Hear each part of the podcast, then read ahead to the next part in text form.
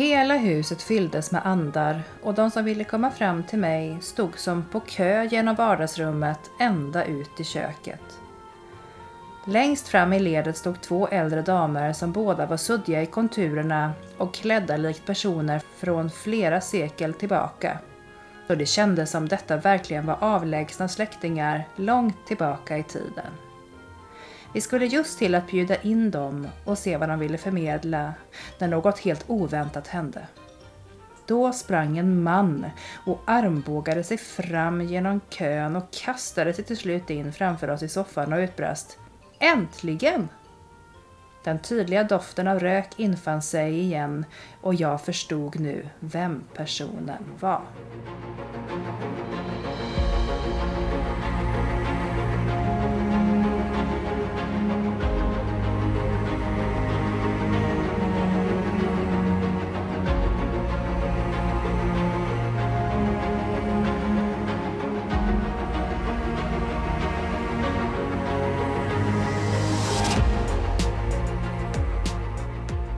Varmt välkomna till vår podd Magiska möten.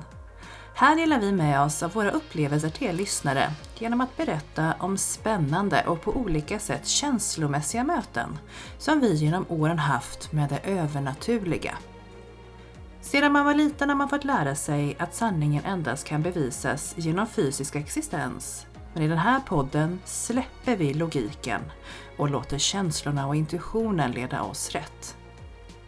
Vi heter Caroline och Mikaela och ska ta med er på vår resa in i det okända. Nu börjar Magiska möten.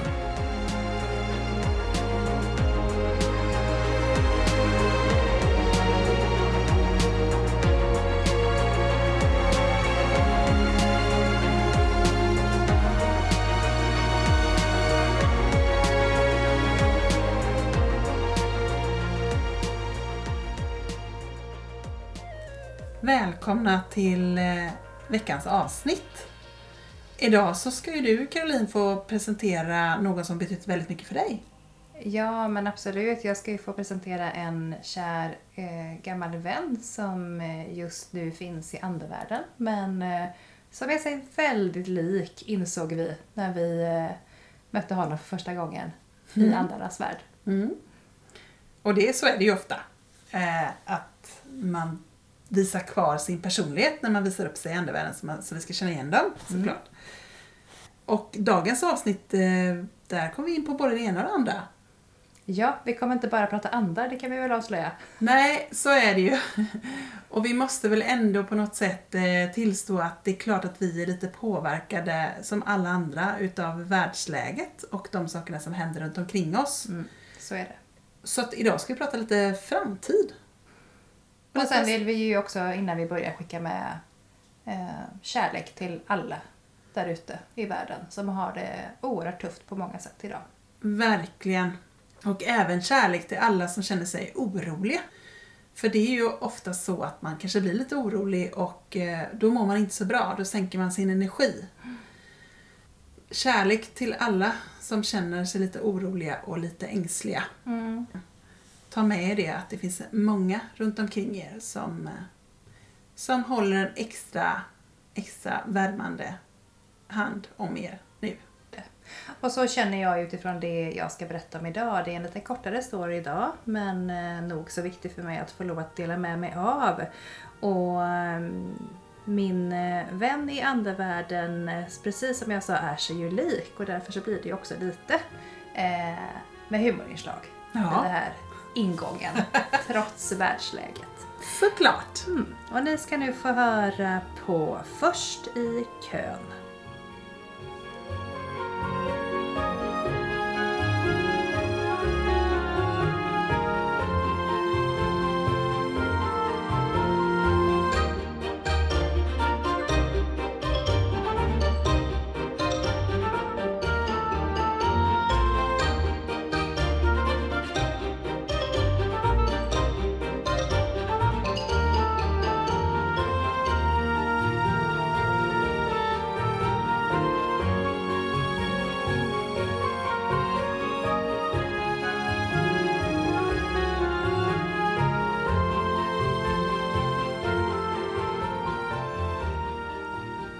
När den andliga världen ganska nyss hade öppnats för mina ögon så hände det många spännande saker runt mig.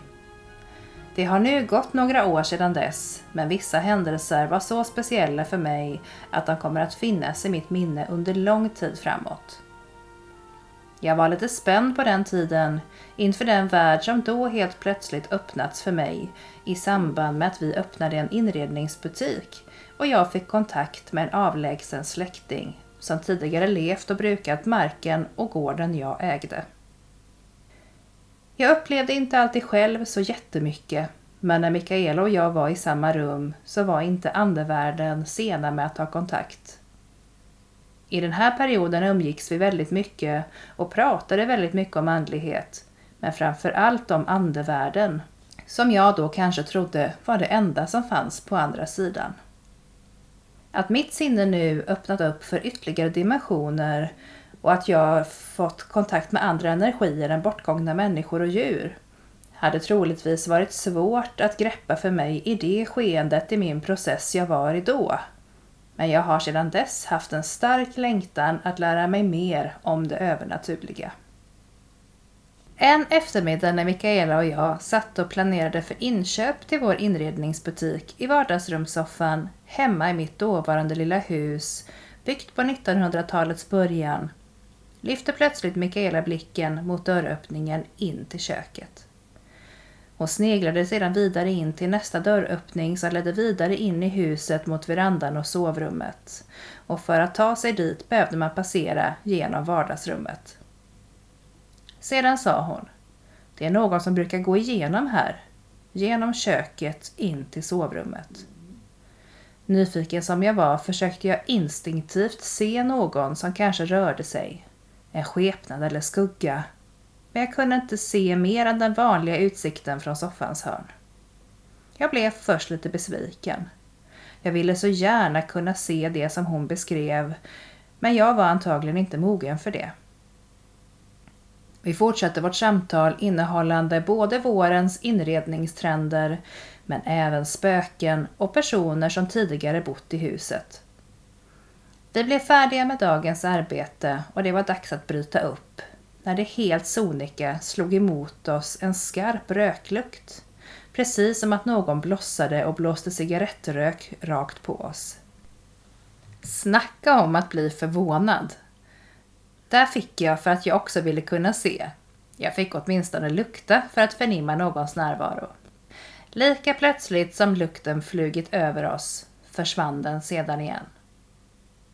Ett par veckor senare hade vi bestämt oss för att ta en kväll tillsammans och djupdyka i andevärlden. Vi hade dukat upp lite levande ljus, tarotlekar och lite gott att tugga på. Men denna gången var det Mikaelas soffa vi landat i. Hon berättade som vanligt om flera superspännande upplevelser som hon varit med om i mötet med andar. Efter alla mina tusen frågor, allmänt prat om andevärlden och snacksätande bestämde vi oss för att ta kontakt med någon i andevärlden som tillhörde mig. Mikaela skrattade och sa att hela huset fylldes med andar och de som ville komma fram till mig stod på kö genom vardagsrummet ända ut i köket. Längst fram i ledet stod två äldre damer som både var suddiga i konturerna och klädda likt personer från flera sekel tillbaka. Så det kändes som att detta verkligen var avlägsna släktingar långt tillbaka i tiden. Vi skulle just till att bjuda in dem och se vad de ville förmedla när något helt oväntat hände. Då sprang en man och armbågade sig fram genom kön och kastade sig till slut in framför oss i soffan och utbrast Äntligen! Den tydliga doften av rök infann sig igen och jag förstod vem personen var. Damerna som stod längst fram i kön blev uppenbart förnärmade. Men det märkte inte mannen i blå jeans, skjorta och keps. Eller åtminstone valde han att ignorera dem. För han var helt inne i att kommunicera sin livshistoria och dra skämt som gjorde att vi skrattade gott. Även om jag inte själv kunde se Lasse där han nu stod framför mig så hade jag sett bilder från hans ungdomsdagar och det var precis så som han nu valde att visa sig i andevärlden. Han hjälpte mig under några år som tränare och på flertalet ridsportstävlingar jobbade vi tillsammans som funktionärer. Han hade en liten firma där han byggde hindermaterial åt föreningar och företag där jag även jobbade lite extra. Vi trivdes som kollegor, men på grund av vår åldersskillnad sågs det inte alltid med blida ögon av omvärlden att vi var arbetskamrater. Det som Lasse alltid tillät mig, det var att drömma. Att våga tro och att utvecklas. I hans värld fanns det aldrig några begränsningar och han tvivlade aldrig på att jag skulle komma långt. Att jag skulle bli någon betydelsefull och framför allt att jag hade kapacitet att bli precis det jag själv ville. Det förmedlade han även i detta ögonblick och jag blev så lycklig att tårarna brast igenom och jag ville inget annat än att krama om honom och tacka honom för att han alltid trott på mig. Lasses härliga personlighet tillsammans med hans positivism, hans tro på mig och hans ständiga leende och med en räv bakom örat så insåg jag hur mycket jag saknade att ha honom i mitt liv. Vi har så många speciella minnen tillsammans och tack vare hästarna så fick vi dela en del av vårt intresse och kunskap med varandra. Tack för allt Lasse! Jag vet att du hälsar på ibland när röklukten dyker upp utan att det finns tända cigaretter i närheten. Så vet jag att du är här och tittar till mig och peppar mig att inte backa utan att alltid sikta högt och jobba hårt för att nå dit jag vill.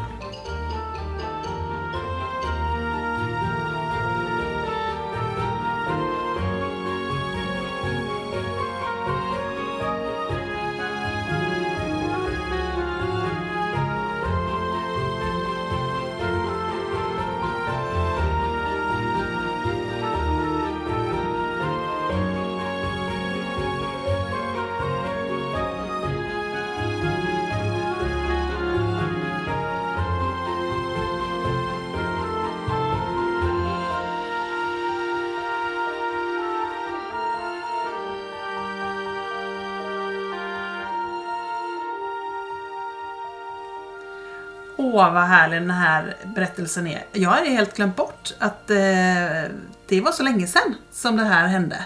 Så jag hade helt glömt bort den, hela den här händelsen. Jättekul att få eh, liksom bli återuppväckt i detta igen. På något sätt. Kan inte du berätta lite om Lasse?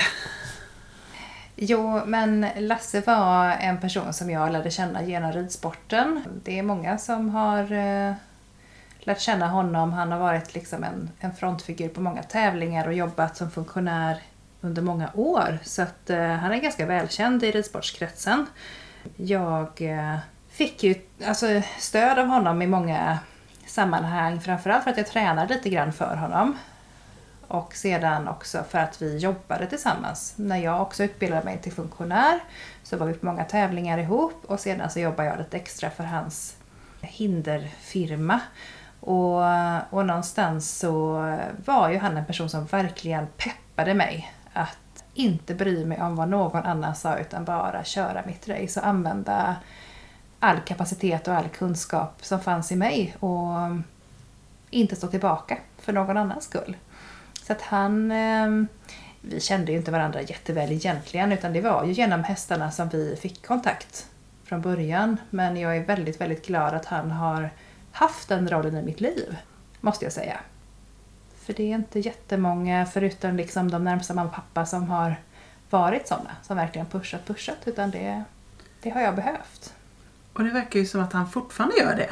Japp. Det gör han. Senast häromdagen så fick jag ju ganska mycket kontakt med honom genom att vi eh, tog in, eller jag prov, tränade på att ta in andar och ta andekontakter. Då valde jag att plocka in Lasse. Och det var det första han sa. Men kom igen nu Caroline. Gå inte här och harva utan ta tag i det här nu och bara kör på. Mm. Ja. Sen, eh, sen precis eh, som han var när han levde så är han också i andevärlden samma entusiasmerande människa och som bara sa skit i alla andra och kör. Han sa ju redan när jag var 16 år gammal att så här med man och barn och sånt där trams, skit i det. Det bara, kommer bara hämma dig i livet. Men där har du inte lytt honom riktigt. jag har inte lytt honom riktigt. Så han har ju ett sätt eh, som, som är så tydligt även framträdande när han möter mig i andevärlden att det är ju hans sätt att vara, hans sätt att pusha mig. Eh, men sen så inser man ju att man kan inte lyda alla råd man får för då Nej. hade jag kanske varit helt själv i livet och det vill jag ju inte heller såklart. Nej, det förstår jag. Jag tänker på det här att du beskriver i, berättelsen här att han visar sig som han såg ut som ung. Mm. Han var ju lite fåfäng. Var han. Eh, och han hann inte bli, även om han var mm, närmare 70 när han gick bort så hann han ju inte bli sådär jättegammal ändå. Han var eh, sjuk på slutet men, men han var ju alltid sådär noga med att vara välklädd och det skulle vara strykt och man skulle liksom ha putsade skor och även att man var i hästbranschen så skulle det vara ordning och reda. Och jag såg ju bilder från hans ungdomsdagar han visade mig. Eh, att han, han eh, Ja, han var en välklädd och stilig ung man och han vill nog gärna visa sig så. Mm. För det var hans liksom glansdagar enligt honom själv.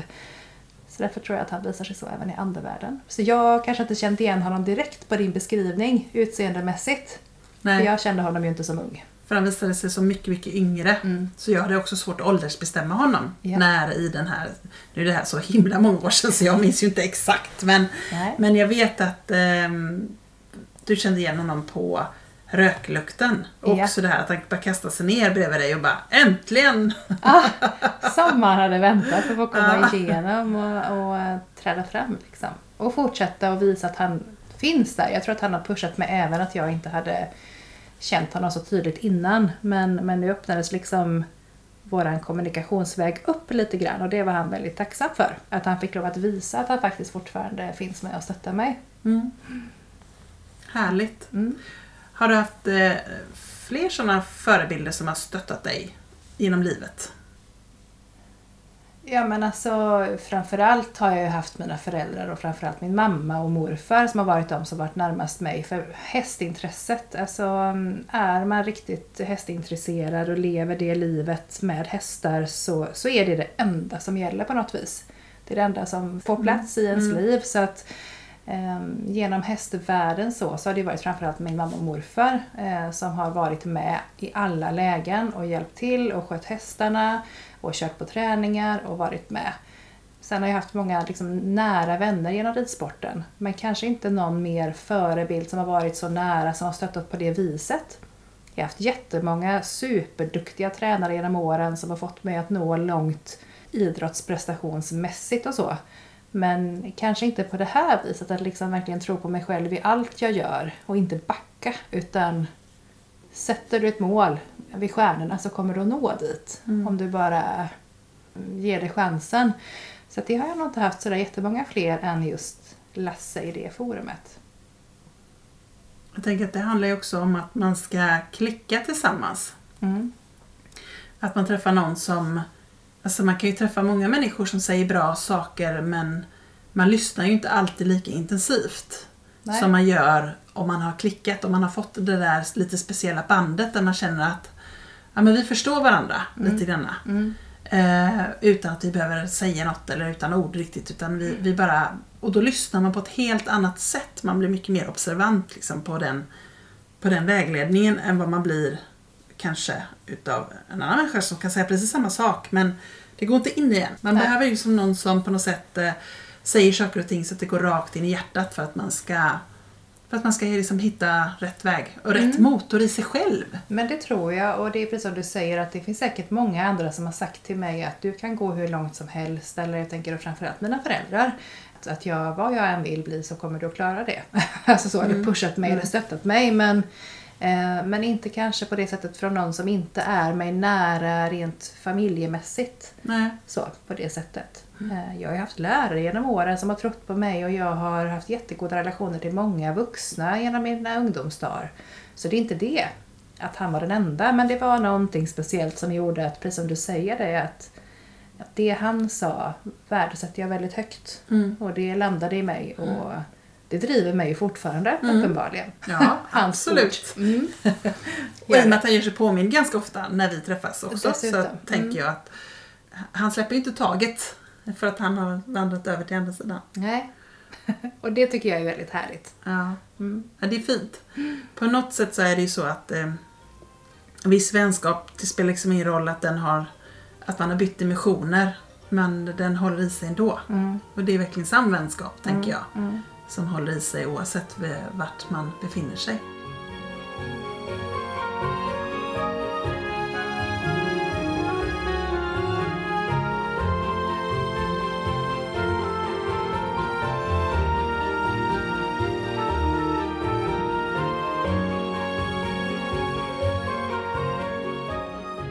Men så är det och sen tänker jag att det är också en, en annorlunda vänskap kanske. Jag var inte jättegammal, jag var i, i äldre tonåren på väg in i vuxenlivet eh, och så träffade då en tränare eller en, en äldre man i ridsportsammanhang. Det är inte alltid att det ses med helt blida ögon och det finns ju också många unga tjejer som råkar ut för väldigt tråkiga saker i de sammanhangen tänker jag och blir utnyttjade. Men, eh, och jag tror att många runt omkring oss som såg såg oss eh, kanske trodde att det var så också Mm. på något vis. Mm. Eh, och så har jag aldrig upplevt överhuvudtaget. Men det är ju lätt att man tror att det blir någon form av liksom maktrelation eller utnyttjande i sådana situationer. Men, men han har bara känt som en, liksom en, en, en vän och en Mm. stöttepelare i livet. Mm. En mentor, tänker jag. Ja, en mentor. Ja. Precis. Det är ju ganska sorgligt egentligen att, att man eh, direkt fastnar i den tanken att det skulle kunna vara något tråkigt i en relation bara för att man, det är stor åldersskillnad eller Mm. för att man är olika kön eller så. Men, men det för sig kommer ju väldigt, väldigt mycket eh, i ridsporten tyvärr. Det gör ju det. Som är, som är så fruktansvärt och så eh, sorgligt. Så att eh, jag kan ändå förstå att folk eh, reagerar. Och det är bra att folk reagerar, tänker jag. Sen är det ju jätteskönt att det inte är någonting eller att det är ett bekymmer. Men, men eh, det är ändå bra att det finns en reaktion på folk runt omkring. Om utifall att det är någonting så är det Mm. bra att andra reagerar, tänker jag. Absolut. Eh, för det har ju vi upplevt både du och jag inom hästsporten att det finns ganska mycket som inte är så positivt. Nej, Eh, Och jag tänker att, nu kan jag inte referera till så många andra idrotter i och för sig, men där har väl ridsporten varit i blåsvädret det sista ganska mycket. Att det, det liksom dras upp nu. Eh, många gamla saker som har hänt och har varit och många har vetat om uppenbarligen. Och människor som farit väldigt illa i att man har hamnat i en relation som inte varit sund eller som har varit utav utnyttjande av minderåriga. mm, en beroendesituation Ja. som inte är bra på något sätt. Och någonstans har det varit lite accepterat också. I ridsporten ja. sedan ja. många, många år tillbaka. Så det är väl skönt att man börjar att ta det på allvar och sätta stopp för det. För det är ju absolut inte okej. Och det tänker jag att det är väl ganska många sporter som, som på något sätt lyfter på locket för det här nu. Mm.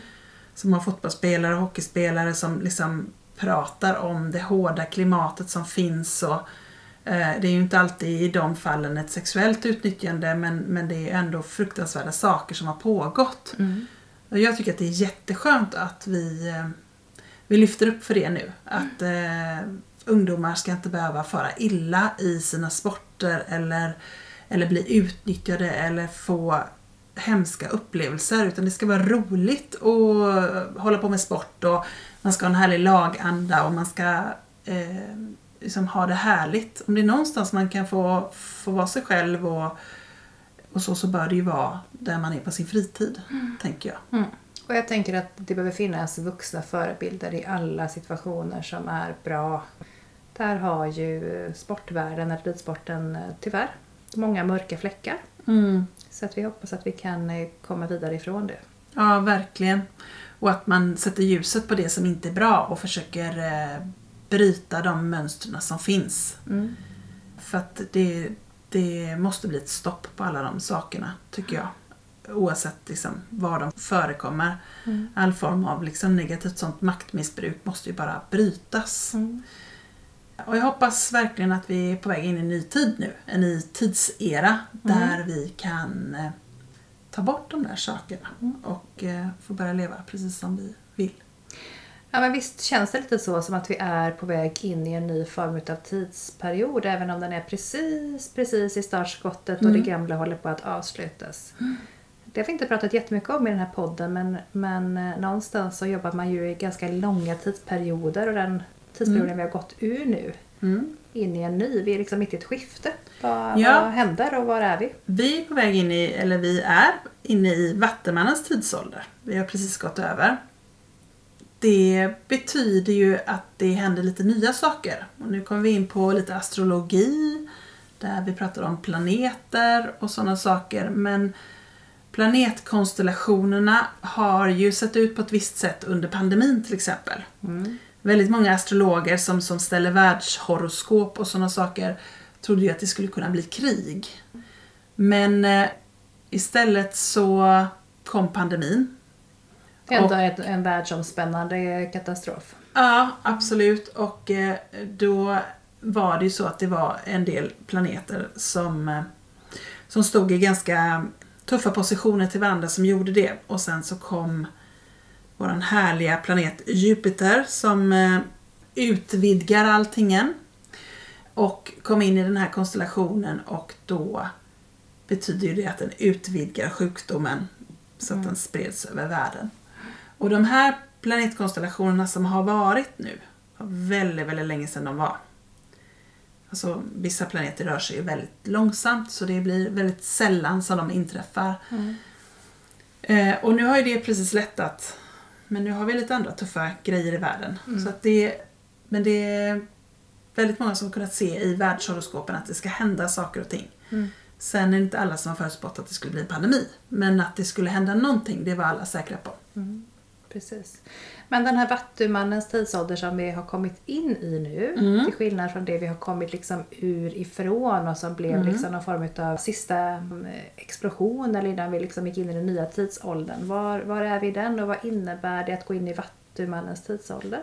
Kom ifrån fiskarnas tidsålder. Och den har ju varit eh, maskulint styrd. Det vill säga vi har levt med ett patriarkat och vi har levt eh, eh, efter en del maskulina värderingar. Vattenmannens tidsålder är mer feminin. Det vill säga att det blir en annan energi. En, eh, en energi som kanske är också är mer tillåtande. Vattenmannen är ju ett innovationstecken, ett nytänkande tecken. Vi kommer se mycket ny teknik, alltså många nya saker som vi inte ens kan drömma om idag kommer liksom hända inom ganska korta intervaller. För Vattenmannen vill liksom upptäcka nya saker, den är fritänkande, den är frimodig, har inte alls det här lite dova tillbakadragandet utan eh, den nya tidens människor kommer vara eh, mycket mer öppna för saker och ting tänker jag. Och de kanske kommer vara mer öppna för andlighet men de kommer också vara öppna för andra saker. Så vi kommer se mycket ny, nya innovationer tänker jag under den här tidsåldern. Och det kan vi verkligen behöva på den här jorden med tanke på hur det ser ut. Många som håller på med andlighet pratar om att vi har liksom höjt upp oss i energinivå.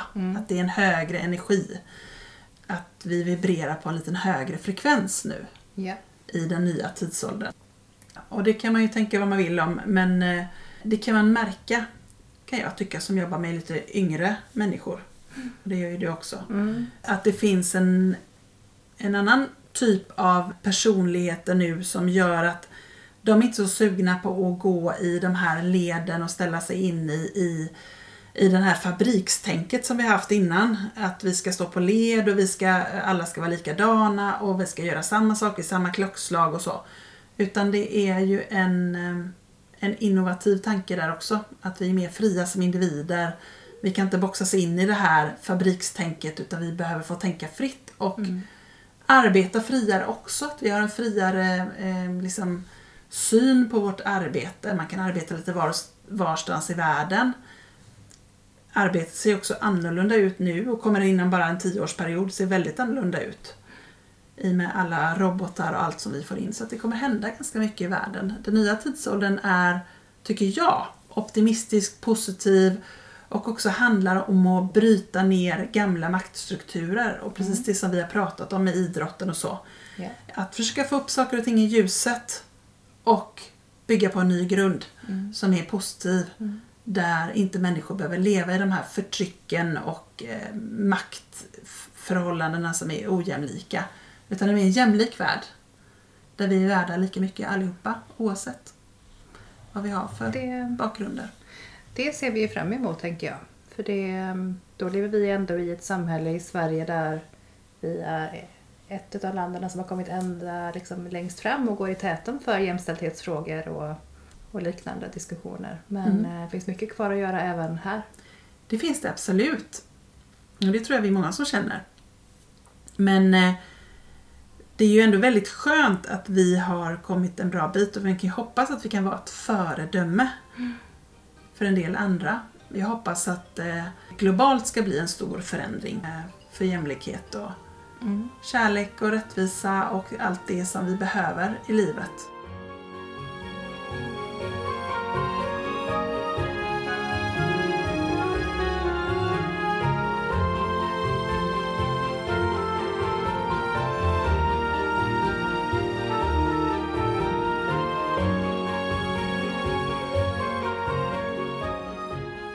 Den nya tidsåldern sa du har en mer feminin eh, energi. Innebär det då eh, vi har en kvinnlig statsminister i Sverige för första gången? Att det kommer vara sådana saker också som blir någon form av maktskifte tänker vi. Vi kommer se mycket, mycket mer kvinnor inom ledande positioner världen över. Ehm, tidigare har det varit i stort sett bara män. Mm. Men det kommer bli eh, mycket mer eh, kvinnor ett tag och sen kommer det bli mer jämlikt. Mm. Men det är ju nog viktigt att ehm, kvinnorna får ta en större plats nu än vad de har fått gjort på flera hundra år. Så då är det dags igen, Mm. tänker jag. En tidsålder pratar vi om och det har varit ett skifte ganska så nyss. Från Mm. fiskarnas in i vattumannens. Hur ofta sker sådana här tidsåldersbyten? Hur lång är en tidsålder? utifrån? 2000 år. Mm. Så det är ganska länge. Så vi tänker att en 2000-årsperiod liksom bakåt har passerat utifrån Mm. det du beskrev med vad som har varit och då har vi Mm. också en 2000-årsperiod framför oss. Så att, eh, Absolut. du pratar ju redan om 10 års förändringar. Var är vi om 2000 år tror du? Ja, det, det är spännande att tänka. Man hoppas ju att man får med på ett hörn någonstans. Eh, och då menar jag inte att vi ska bli upptynade på något sånt eh, kryolabb utan jag hoppas att jag får eh, återfödas. För att se hur det kan se ut faktiskt. Det hade varit jättespännande att få lov att vara med. Mm. Jag vet ju att du i olika sammanhang ibland får lite framtidsvisioner eller sådär. Ofta kanske inte hundra och tusen år fram i tiden men om du hade velat hade du kunnat liksom försöka att sneglat hundra år framåt och tusen Ja. år framåt. Ja, Mm. det hade jag kunnat. Mm. Jag, jag har ju fått en del framtidsvisioner redan från när jag var jätteliten. Ja. Men eh, det svåra tycker jag är, och jag, det är väl liksom personligt för mig tänker jag. Det finns ju sådana som är jättebra på det men det är ju att tidsbestämma. Ja. Jag har svårt att säga exakt om är det 50 år, 10 år, 100 år. Alltså det, det kan vara svårt ibland. Mm. För min upplevelse är ju att bara under min livstid så går ju innovationerna så oerhört fort. Bara från datorn kom till vad datorn är idag och till vad datorn kommer bli om fem år. Ja. Eh, bilar, allting. Det går oerhört fort nu och tekniken går så fort så att den är ju gammal redan när den kommer ut i affären och är ny för oss att köpa. Mm. Så att någonstans så, ehm, så känner jag att ehm, det är svårt att tidsbestämma saker och ting helt. Ja. Sen kanske inte det spelar jättestor roll. Men det är ju ändå roligt om man kan på ett ungefär Mm. tidsbestämma. Men är det någonting du har sett framåt som du känner så att eh, jag har, jag har sett, sett någonting som ändå känns positivt som vi kommer att gå emot? Eller är det bara liksom vad du tolkar utifrån en vattumannatidsålder och en mer feminin känsla? Har du sett saker som ändå du kan känna att Jag det sett, så, kommer att bli bra? ja, jag har sett saker som är, som är bra. Men det jag har sett ehm, som, jag, som jag såg för länge, länge sedan när jag var liten Mm. det är att vi kommer ha mycket mer robotar i samhället som kommer göra olika samhällstjänster. Mm.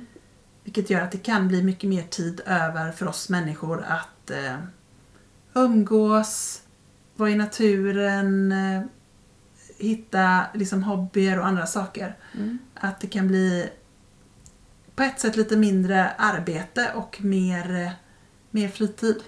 Det är ju inte helt omodernt sedan ganska många år tillbaka att prata om olika apokalypser och jordens undergång Mm. och att samhället på olika sätt eh, helt ruin- ruineras eller förstörs och, Mm. och jämnas med grunden.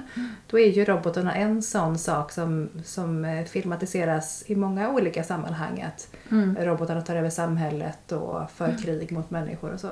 Mm. Tänker du att det är någons framtidsvision eller var kommer, var kommer sådana filmer ifrån? Tänker Jag vet inte, men det är ingenting som jag har sett. Det finns ju väldigt många filmer om väldigt mycket olika saker. Eh, så att, så att jag kan inte riktigt eh, liksom härleda till det. Men jag kan förstå den oron. Mm. Just för att det finns så mycket ny innovation som vi inte förstår.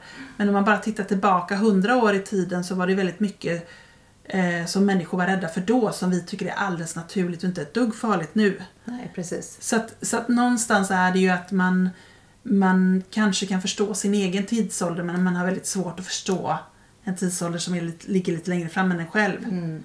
Eh, liksom min, min mormors mor hade ju inte samma upplevelser utav sitt liv som jag har utav mitt för jag lever ju i en helt annan tidsålder. Ja. Och någonstans får man ju liksom hitta vägen i det. ja, men såklart. Och jag tänker precis som du säger att ofta är ju saker som är nya och ren, redan tekniska lösningar som aldrig provat innan. Det är ju ibland skrämmande och man förstår inte vad det ska vara bra för. Och man, man vet inte vad ibland syftet bakom olika tekniska lösningar är. Och man kan ju bli orolig mer eller mindre också för saker man inte känner till eller vet särskilt mycket om. Precis som eh, andevärlden eller andra övernaturliga saker eller olika dimensioner som, som vi sitter och pratar om och tycker är helt naturliga. Som inte vi är särskilt oroliga för. Men är man inte i det så kan det också vara läskigt. Men jag tycker inte man ska vara rädd för framtiden för att eh, den kommer med så otroligt fina saker och alla de innovationerna som kommer och så, de kommer hjälpa oss otroligt mycket. Och jag hoppas verkligen att det ska komma någonting väldigt, väldigt, väldigt snart som kan hjälpa oss med, med miljön. Det hade varit väldigt skönt. Eh, nu har jag inga sådana grejer på lager men som jag har liksom tittat ut. Men, men jag hoppas verkligen, verkligen att det kommer någonting. För att eh, där, eh, där behöver vi göra någonting. Vi behöver rädda Moder Jord. Alltså, vi kan inte hålla på så här. Vi är lite för egoistiska i vårt tänk. Och vi behöver bli bättre på att tänka globalt med saker och ting. Ja. Det är inte bara vi här i vårat rum. Nej, lite så. Utan eh, vi är tillsammans på den här jorden och vi måste tillsammans hjälpas åt att ta hand om den. Kan inte lägga det ansvaret på bara några.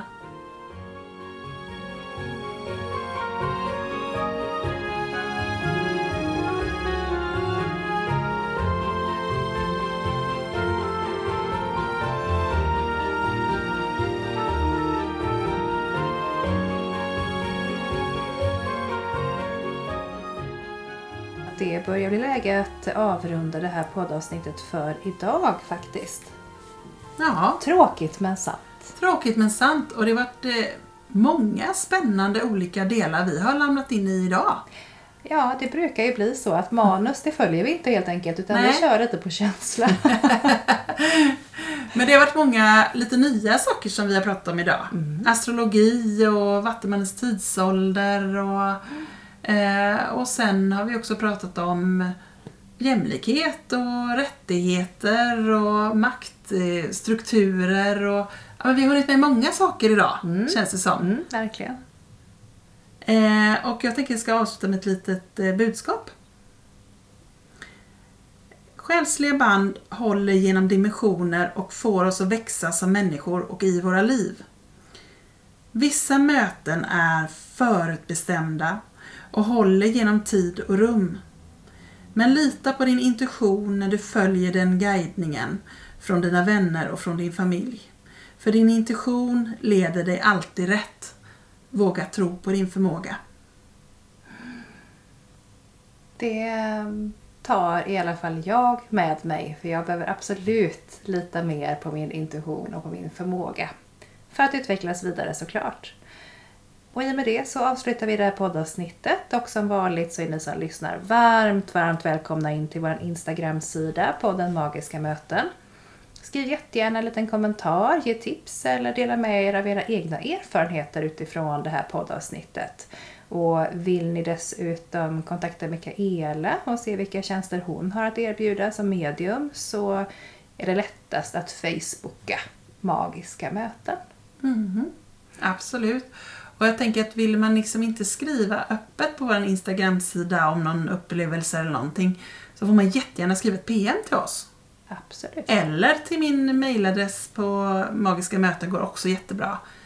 För vi vill så gärna ha del av era upplevelser och vad ni tänker om podden och de ämnena vi tar upp och så. Det är alltid jättespännande att få höra ifrån er. Mm. Och det är det många som gör, men vi tar Mm. gärna emot mer. Yes, absolut. Och vill man mejla dig då Mikaela som du nämnde så är det ju magiskamoten snabel-a gmail.com. Ja, precis. Tack för idag! Tack för idag.